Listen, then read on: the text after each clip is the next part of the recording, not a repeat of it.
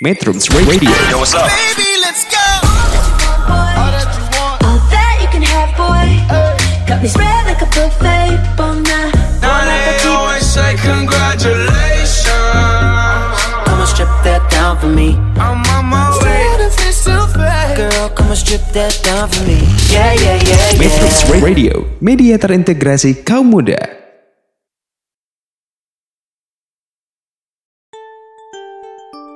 Damai. Protes boleh, tapi kalem. Halo metronom, selamat datang di program acara Toa Damai. Protes boleh, tapi kalem. Ini adalah sebuah platform yang diciptakan anak muda untuk menyuarakan damai. Terima kasih untuk metronom yang mendengarkan program acara Toa Damai melalui aplikasi Metrum Radio. Satu aplikasi menjelajah berbagai platform yang bisa diunduh di Play Store. Terima kasih juga kepada metronom yang mendengarkan lewat web Metrum Radio www.metrum.co.id. Terima kasih juga kepada metronom yang telah mendengarkan aplikasi lain seperti Radio Garden, Radio Box, RadioNet, Replalio, atau aplikasi lain dengan kata kunci Metrum Radio. Kamu mendengarkan episode spesial dalam bentuk siaran audio drama berjudul Lompat Tali, Lompat Waktu yang disponsori oleh Dimsum Dapumina. Hmm, metronom. Cium nggak? Bau apa itu? Oh, itu ada dimsum Dapumina nih. Tersedia dalam kemasan premium yang enak dan dengan harga pas di kantong. Dapumina hadir sebagai solusi buat kamu yang juga mau menyediakan buat keluarga atau perorangan, juga mau buka usaha nih, mau buka paket reseller, juga paket kedai. Info lebih lanjut bisa hubungi ya di Instagram @dapumina. Terima kasih. Nah, metronom dalam satu jam ke depan kalian akan ditemani oleh para pengisi suara kita nih. Ada siapa aja ya? Di sini ada saya, Faris, sebagai Toko Yusmani, Hasnah Nur Aini sebagai Sirani, Bintang Aldiva sebagai Sultani, dan Indra Sami Aji yang merangkap sebagai narator dan tokoh malaikat Israel. Terima kasih juga kepada Kang Kenny Fahmi dari Teater Bandung Selatan yang sudah membantu proses produksi jadi direktor untuk keseluruhan program ini dan juga ada teman-teman lain Hari, Leon, dan Ozan yang sudah membantu proses produksi mulai dari editing audio hingga poster siaran. Audio drama berjudul Lompat Tali, Lompat Waktu bercerita tentang apa nih? Cerita anak, misteri, atau fantasi? Atau apa ya? Daripada bingung, yuk kita simak sinopsisnya. Tiga bersaudara, Ismani, Sirani, Sultani, dihantui bayang-bayang mimpi buruk tentang kematian mereka. Saat mengunjungi kuburan sang kakek secara kebetulan, datanglah sosok misterius dengan hadiah istimewa. Konon, hadiah ini bisa mengubah takdir mereka. Penasaran? Selamat menyaksikan.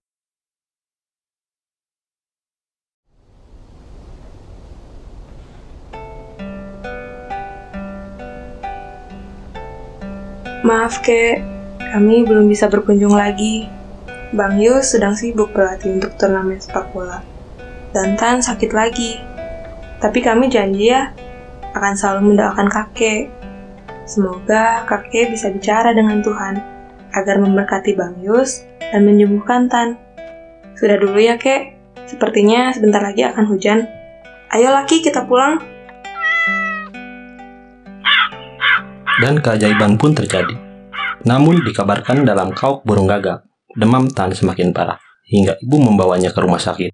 Selagi ibu berbicara dengan dokter, mereka bertiga mengungkapkan kecemasan masing-masing. Cepatlah sembuh ya, Dik. Ingat, bukankah kita akan pergi memancing setiap akhir pekan? Iya, seperti waktu dulu bersama kakek. Aku harus sembuh, tapi tidak. Bang Yus, Mbak Ran, dengarlah ceritaku. Pokoknya aku tidak mau tidur lagi. Jangan biarkan aku bermimpi ya. Adik kakak tersebut bertukar pandangan. Entah bagaimana mereka berdua tahu betul apa yang dipikirkan masing-masing dalam kebisuan yang terasa panjang. Dengar baik-baik ya. Dalam mimpiku, aku kehilangan satu gigi atas. Kemudian, Kita semua tahu itu hanya dongeng, iya kan Ran? Ah, itu cuma cerita orang-orang tua, Tan. Bang Yus, kau akan berbaring di ranjangku saat ini. Lalu berbaring di samping kakek. Aku tidak mau melihat mimpi itu lagi. Bang Yus, jangan ikut olimpiade itu ya. Nah, tidurlah. Abang akan dapatkan medali itu dan tiket liburan ke Singapura buat kita. Nah, makanya cepat sembuh ya, Dik. Ibu, kali dengan wajah sedih yang ditutup-tutupi sembari menghubungi ayah. Si Rani mengajak Yusmani pergi ke ruang tunggu. Mereka melewati orang-orang yang diantar suster di kursi roda, para perawat yang berlarian, dan kamar mayat. Seorang petugas bermasker meminta mereka untuk pergi menjauh. Bang, pernah denger gak cerita kucing di rumah sakit yang bisa mendeteksi ma em, perginya pasien yang sakit keras? Oh, itu yang dulu muncul di berita TV. Eh, tapi Ran, apakah kucing itu bisa meramal kepergian dirinya? Ya mana aku tahu. Tapi ingatkah bagaimana kucing tua kesayangan ayah dulu yang tiba-tiba pergi dari rumah? Dia murung sekali ya waktu itu. Gak mau makan, gak mau diajak main, dan melihat ke jendela terus. Mungkin abang tahu, belakangan aku berusaha tidak murung seperti itu. Ya begitulah kalau mendapat mimpi seperti Tan juga. Ya ampun Ran, kamu juga percaya sama kabar cenah dari zaman Fir'aun nyuci baju? Habis, aku bermimpi gigiku yang bawah itu copot dari mulai Tan sakit sampai sekarang. Gimana nggak percaya coba? Dengar, apa yang sudah kamu cerita pada ayah dan ibu? Belum bang, Sebaiknya jangan. Mungkin kita semua dapat mimpi yang serupa, tapi biarlah itu jadi rahasia dan semuanya akan membaik. tunggu dulu. Bang Yus juga dapat mimpi itu. Mulai sekarang kita bermain. Jangan bilang siapa-siapa, jangan bilang apa-apa. Dan kalau kalah harus traktir jajan. Dari lorong terdengar panggilan ibu. Kali ini keduanya dapat melewati pintu kamar mayat yang setengah terbuka. Di sana ada sepasang kaki pucat yang menjulur dari spray putih. Entah milik laki-laki atau perempuan. Tapi mereka sama-sama tahu kaki itu milik seorang yang sangat muda. Walau sekilas pemandangan itu menghantui mereka. Bismillahirrahmanirrahim.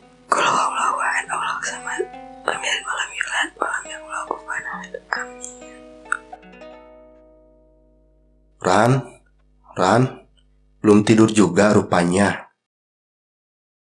Masa Bang Yus tidak berdoa sebelum tidur? Sudah kok dalam hati, aku berdoa agar tim kami juara. Dan tentu saja semoga Tan cepat sembuh. Bang. Bang. Bang. Masih belum tidur kan? Hmm, apalagi sih Ran? Seandainya aku menyusul kakek, apakah kau akan mengunjungiku bersama laki? Keajaiban kedua terjadi. Apakah ini kabar gembira atau bukan jika diiringi sirine ambulan? Sultani pulang ke rumah lebih awal, akan tetapi tak sedikit pun tampak kebahagiaan di wajah orang tuanya. Pada suatu malam ketika Sultani tidur lelap, kedua kakaknya menyelinap keluar kamar dan mengendap-endap menuju kamar orang tua mereka. Samar-samar mereka bisa mendengar perkataan ibu yang terbata-bata oleh Ishak tangis, sementara ayah berusaha menenangkannya. Dan keesokan paginya, Hei Tan, apa kamu lihat si laki di kamar? Tidak, aku juga sedang mencarinya. Ya ampun, ke mana perginya kucing itu? Lihat, Bangnya sudah kembali. Ayo kita tanya padanya. Bang, apa kau lihat si laki di jalan? Enggak tuh, biar saja mungkin dia sedang mencari pacarnya. Eh, kalian mau lihat gimana? Aku mencet skor tadi waktu latihan. Jangan sekarang, kita harus mencarinya. Jangan-jangan dia keluar sejak tadi malam dan terjebak hujan di luar sana. Tenang, jangan panik gitu dong. Biar abang bantu carikan ya. Tan, mending kamu tidur dulu, nanti sakit lagi. Aku merasa sehat kok. Yang bener, sini biar ku gendong. Eh, jangan. Turunkan aku, Bang. Aku nggak mau dilihat teman-teman. Malu tahu. Tiga bersaudara itu pun lekas mencari kucing kesayangan mereka. Dijelajahinya penjuru desa, pasar, hingga kembali ke sekolah. Namun tak ada satupun kucing hitam yang menyerupai si lelaki. Aduh, kita cari ke mana lagi? Ah, ada satu tempat yang belum kita periksa. Kuburan. Betul juga. Sekalian kita berdoa pada kakek. Tunggu sebentar biar ku belikan sebatang rokok untuknya. Di kuburan, Laki, Laki, Laki. Ayo Laki, ke sini, ayo ke sini Laki. Laki. Hei, lihat di sana. Itu rupanya kau. Ternyata bukan kita saja yang rindu pada kakek ya. Ternyata di sini tidak seram ya. Malah terasa teduh dan damai. Jadi, ingat cerita dari kakek tentang batu nisan dan pohon hanjuang. Ah, iya juga ya. Kalau nggak salah katanya. Ingat cu, jangan ganggu batu nisan apalagi milik orang Jawa. Itu rumah arwah mereka. Tapi, aku masih tidak mengerti mengapa menanam hanjuang di kuburan kalau orang Sunda dahulu tidak membudayakan penziarahan. Itu dulu, sekarang kan sudah bukan lagi zaman kerajaan-kerajaan. Tapi tetap bagusnya. Hanjuang ini pasti menjadi tempat istirahat mereka. Tanami juga buatku, ya bang. Siapa tahu kita bisa bicara lewat situ dan menguping percakapan dengan Tuhan. Hus, jangan bicara yang aneh-aneh kamu Tan. Ingat saja waktu ulang tahunmu yang sebentar lagi itu dan ulang tahun seterusnya. Sekarang ayo pulang, si laki pasti belum makan nih. Jangan kasar begitu Bang Yus. Ngomong-ngomong, Tan. Kami sudah dengar dari ayah dan ibu tentang keadaanmu. Shh, Ran, ayah ibu belum bilang apa pun. Aku sudah bercerita pada ibu tentang mimpi kita dan Duh Gusti, hayo apa yang kamu ceritakan pada ibu? Kau mau membuat kepala ibu pecah? Ingat Ran, waktu di rumah sakit kita sedang bermain apa sampai sekarang? Hmm? Pokoknya kamu harus traktir aku. iya deh. Tapi aku tidak bermaksud membuat siapa pun sedih. Aku hanya tidak ingin ayah dan ibu terus khawatir. Lagi pula, kita belum tahu apa yang akan terjadi. Ya kan? Tapi untuk saat ini Ran, diam itu emas. Jangan membebani pikiran mereka. Yakinlah semuanya akan baik-baik saja. Bukankah kau terus berdoa setiap malam? tiba-tiba ada suara tawa yang menggelegar bersama kepakan sayap dan hembusan angin kencang dari arah pohon Kamboja. Tiga bersaudara terperangah sementara si laki mendesis ke arahnya. Tawa itu datang dari seorang pria tinggi bergamis hitam yang tampak menyeramkan. Anu, Bapak siapa? Penjaga kuburan yang baru. Dengar di sana, aku yang akan menjemput kau kalian berhujung nafas saat tentang jantung dan pikiran meredup. Akulah teman perjalanan terakhir para makhluk. Apakah guru agama kalian belum memberitahu? Aku adalah yang sesuai. Is Israel, malaikat pencabut nyawa. Wa innalillahi raji'un. Jangan-jangan semua mimpi kami itu benar. Tolong jangan bawa kami sekarang. Kami masih terlalu muda. Kami belum membahagiakan ayah ibu dan kami belum menikah. Aku bisa datang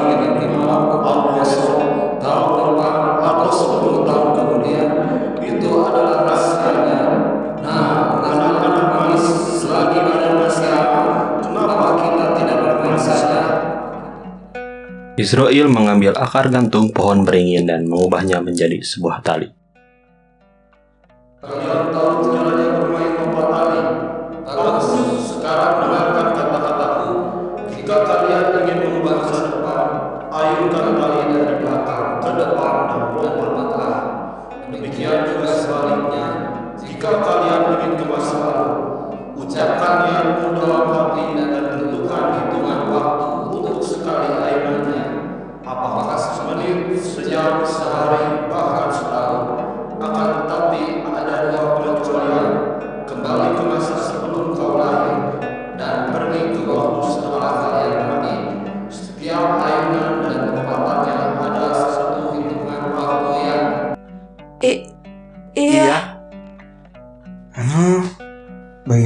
Kita tertandung? Coba tapi ulangi dari awal. Kalau tidak kalian bisa terlempar ke waktu yang salah atau lebih buruk dari itu. Benarkah kita bisa mengubah nasib? Apakah ada masa depan yang berbeda-beda? Atau hanya satu? Apabila berkehendak, demikianlah ketetapannya. Bagaimana caranya kita kembali ke masa kini? Ucapkan niatmu, buat ayunan dan melompat, maka sebuah gerbang akan terbuka. Masukilah. Baiklah, ayo kita coba. Tunggu sebentar di sana. Ingat ini baik-baik. Setelah tiga kali melakukan perjalanan, benda itu akan kembali jadi akar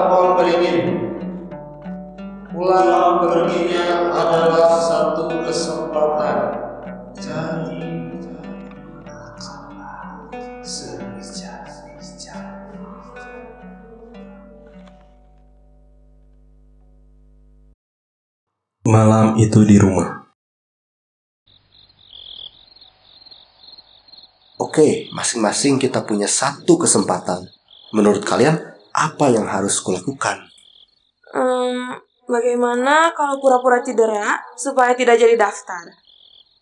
Aduh, bisa kecewa teman-temanku. Jadi, Bang Yus pilih mengecewakan teman-teman daripada menyelamatkan diri dari kecelakaan fatal. Ayo. Ada lagi, Ran.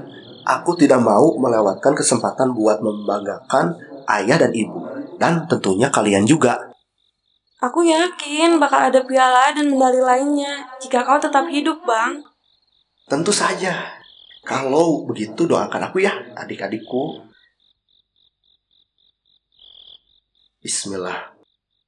Aku berniat kembali ke tiga bulan yang lalu sebelum mendaftarkan diri di turnamen Hop 1, Hop 2, Hop 3.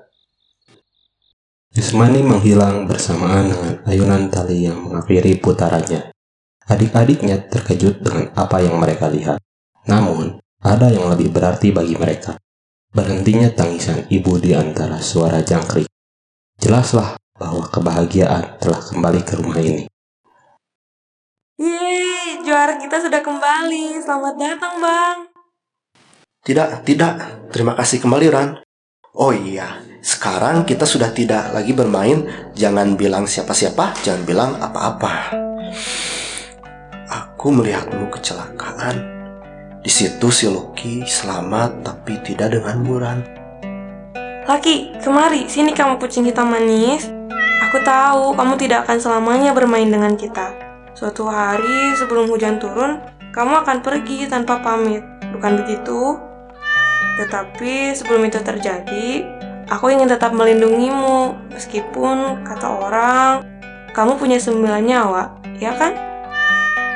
Pokoknya Ran, kalau dia pergi ke jalan, biar aku saja yang mengambilnya. Tapi sesuatu yang buruk pasti terjadi padanya, terutama ketika kalian bersama. Coba saja si laki bisa menggunakan tali ajaib itu. Jadi, apakah kita harus berpisah? Apa tidak ada pilihan lain? Titipkan saja di rumah paman. Karen, supaya sewaktu-waktu kita bisa mengunjunginya. Ya lagi pula bukannya anak paman yang kecil itu ingin punya hewan peliharaan. Duh, tidak apa-apa kan Laki. Jangan kabur ke sini ya kalau kamu kangen nanti. Dia akan baik-baik saja Ran. Setidaknya kita punya satu kesempatan lebih untuk tan. Nah, penyakitmu bukan penyakit turunan kan? Kurasa begitu. Ibu atau dokter tidak pernah mengatakan apa pun selain sudah terlambat.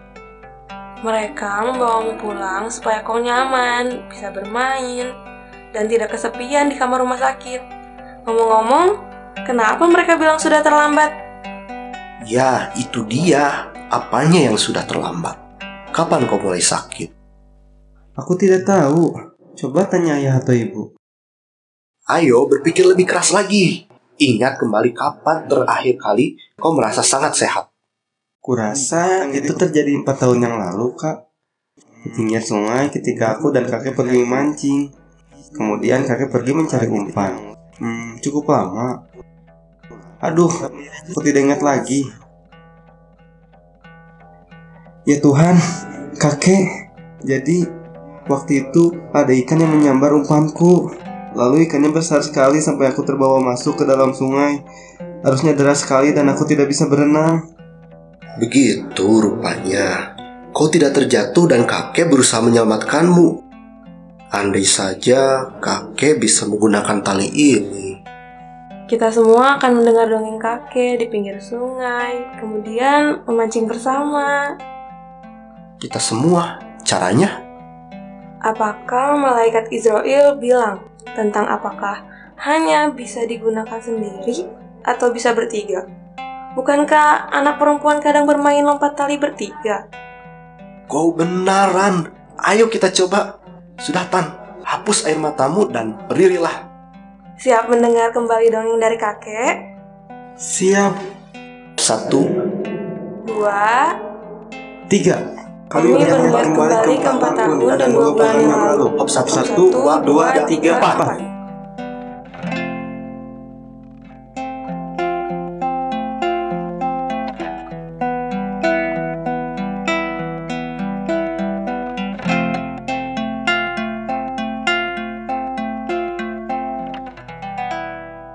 Kepulangan tiga bersaudara itu disambut oleh wajah sang kakek yang tampak merindukan mereka.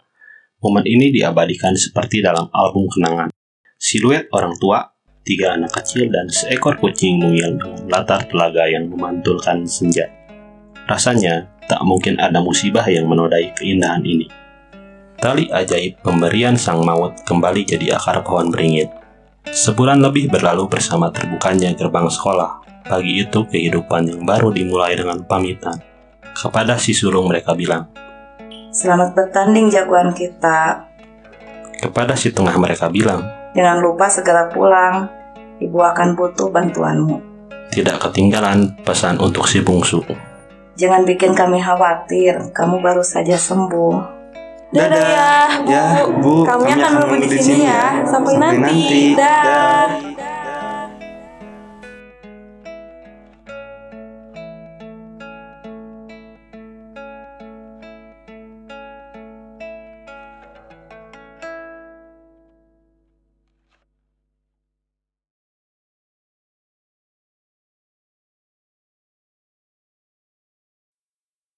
Nah, sekian siaran episode spesial audio drama Lompat Tali, Lompat Waktu dari Toa Damai.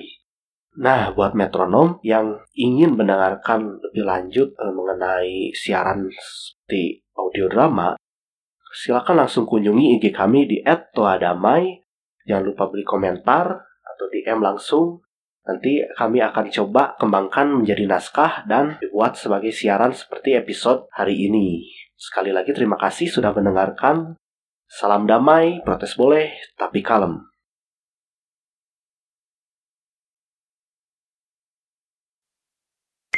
Metrums Radio. Yo, what's up? Baby, let's go. All that you want. All that you can have, boy. Got me spread like a buffet. Bon Now